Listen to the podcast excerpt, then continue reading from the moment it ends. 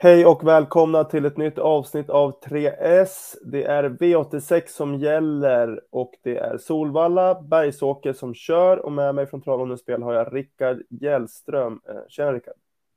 Tjenare Fredrik. Har du fått vinter hos dig också? Nej, sitter här i Sundbyberg. Där är det regn och blött. Men du har vinter kanske? Uh, ja, jag bor ungefär mellan dig och Sundsvall då kanske, närmare Gävle. Vi har fått halvvinter i alla fall, men jag såg på, på nyheterna i morse att uppe i Sundsvall så ska det bli mycket snö under dagen här och, och nästan riktig vinter som det lät.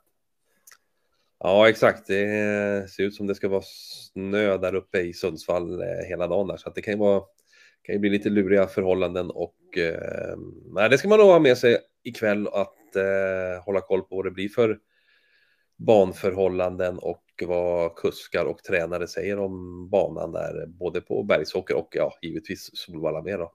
Och eh, det kan ju vara värt att hålla koll på det och så att spana in eh, live-rapporteringen ikväll. Vi kör ju på från 18.30 på travrondens spel där med senaste nytt inför V86 där fram till spelstopp så ja, men den, den ska man nog hålla koll på. Mm, just det, extra viktigt en sån här kväll då när man när förutsättningarna svänger så snabbt där så att um, in och följ där, skicka in frågor, uh, se där vilka hästar som kanske trivs bäst på, på vinterbanorna eller de här tunga banorna som blir nu, kanske ikväll då. Uh, vi ska köra igång med våra tre rubriker. Uh, som vanligt så börjar vi med spiken.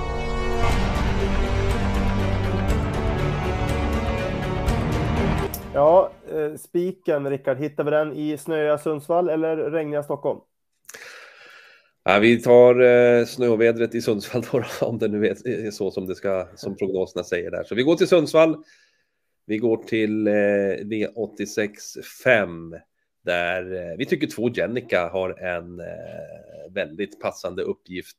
Det här stoet eh, har ju visat väldiga fartresurser och eh, bra kapacitet för de pengarna hon har på sig just nu och eh, ja, vi tycker hon står väldigt eh, bra till i det här loppet ja, som det ser ut så ska hon ha bra chans att kunna komma till ledningen här och då eh, ska hon ju bli svårslagen.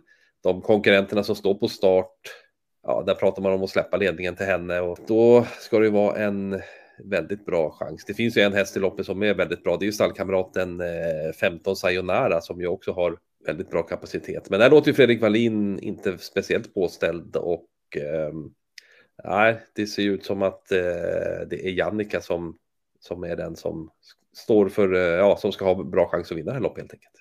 Mm, mm. Snyggt! Och jag gillar också att hon alltid går med skor runt om, framförallt nu när det blir lite svåra förutsättningar och sådär. Man vet inte riktigt vilken balans som ska krävas. Vissa kanske chansar och kör barfota, även fast det inte är helt optimalt. Eh, då är det skönt att ha en spik som alltid går med skor.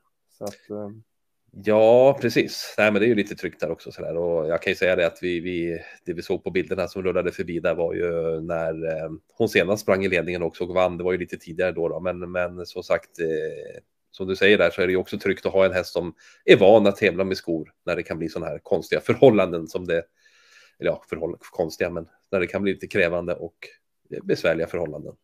Mm, mm. Kanon, spikar vi nummer två, Jannica i B865 alltså. Eh, sen går vi vidare till skrälloppet.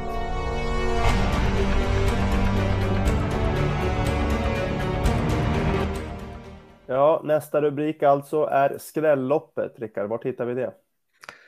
Ja, vi fortsätter eh, på Bergsåker. Vi går till V86.7 eh, där vi har en klar favorit eller en jättefavorit i fyra Global Above All och det är väl inget snack om saken heller att han naturligtvis har en bra segerchans. Eh, han kommer ju från två raka segrar nu och har ju fungerat bra nu efter lite omlagd träning hos Daniel Wäjersten.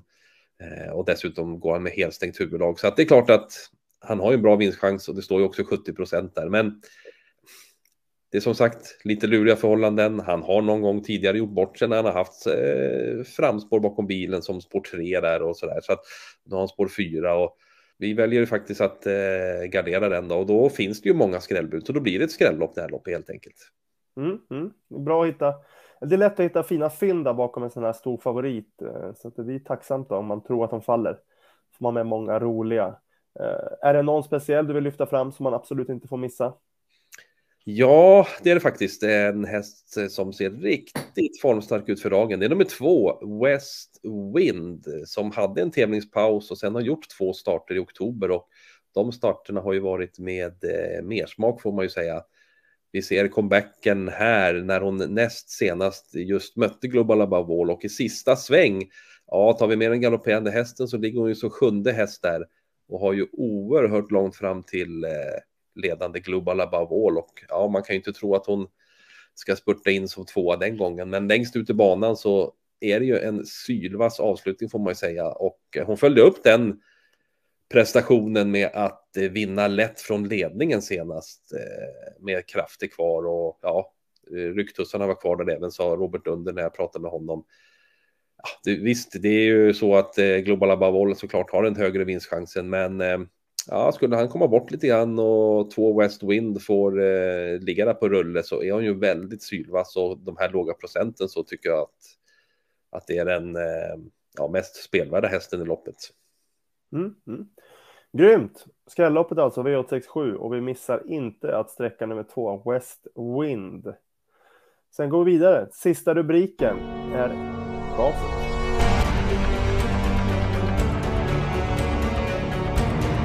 Dags för tredje och sista rubriken alltså. Som vanligt, vi avslutar med chaset. Rickard, vem ska vi chasa den här veckan? Mm, nu går vi faktiskt och byter bana. Vi går till Solvalla, vi går till V86 2 och det är eh, 12 Funzio som är veckans chas eller kvällens chas då. och den hästen eh, har vi faktiskt inte ens med på systemet kan jag avslöja på eh, ikväll där så att eh, det blir ett riktigt chas då såklart. Eh, kom ju med en fin rad här. Två raka segrar, eh, men står ju lite sämre till nu här. Sist eh, så vann ju hästen eh, efter en fin löpning, mestadels ryggledaren kom ut och avgjorde då. då. Men det är besvärligare läge nu och svårare att få de där fina positionerna och vi tycker inte att hästen ska vara så hårt betrodd som andrahandare som han är nu när vi spelar in det här. Nej, nej. Ja, det är bra. De hästarna tenderar att bli lite överspelade nästan oavsett spår de här som kommer från två raka segrar som du säger. Eh, framförallt som senast alltså, som var på V75 också. Men ryggledaren som det var då, det lär bli nästan omöjligt att hitta från spår 12.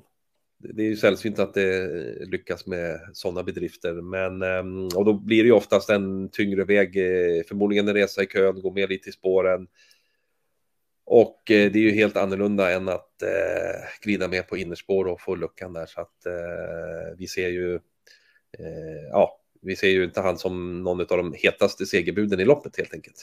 Nej, nej. Vi garderar alltså V862, men vi tar inte med nummer 12 Funzio som vi anser är överspelad där. Eh, där var vi klara. Jag ska sammanfatta de tre rubrikerna. Vi började med spiken, nummer 2 Janica i V865. Skrälloppet hittar vi i V867 där vi lyfter fram framförallt nummer två West Wind som man inte får missa. Sen chasar vi nummer 12 Funzio i V86 2. Och eh, glöm inte live-rapporteringen ikväll 18.30 på Travånens spel. Eh, det var det. Tack så mycket för att ni tittar.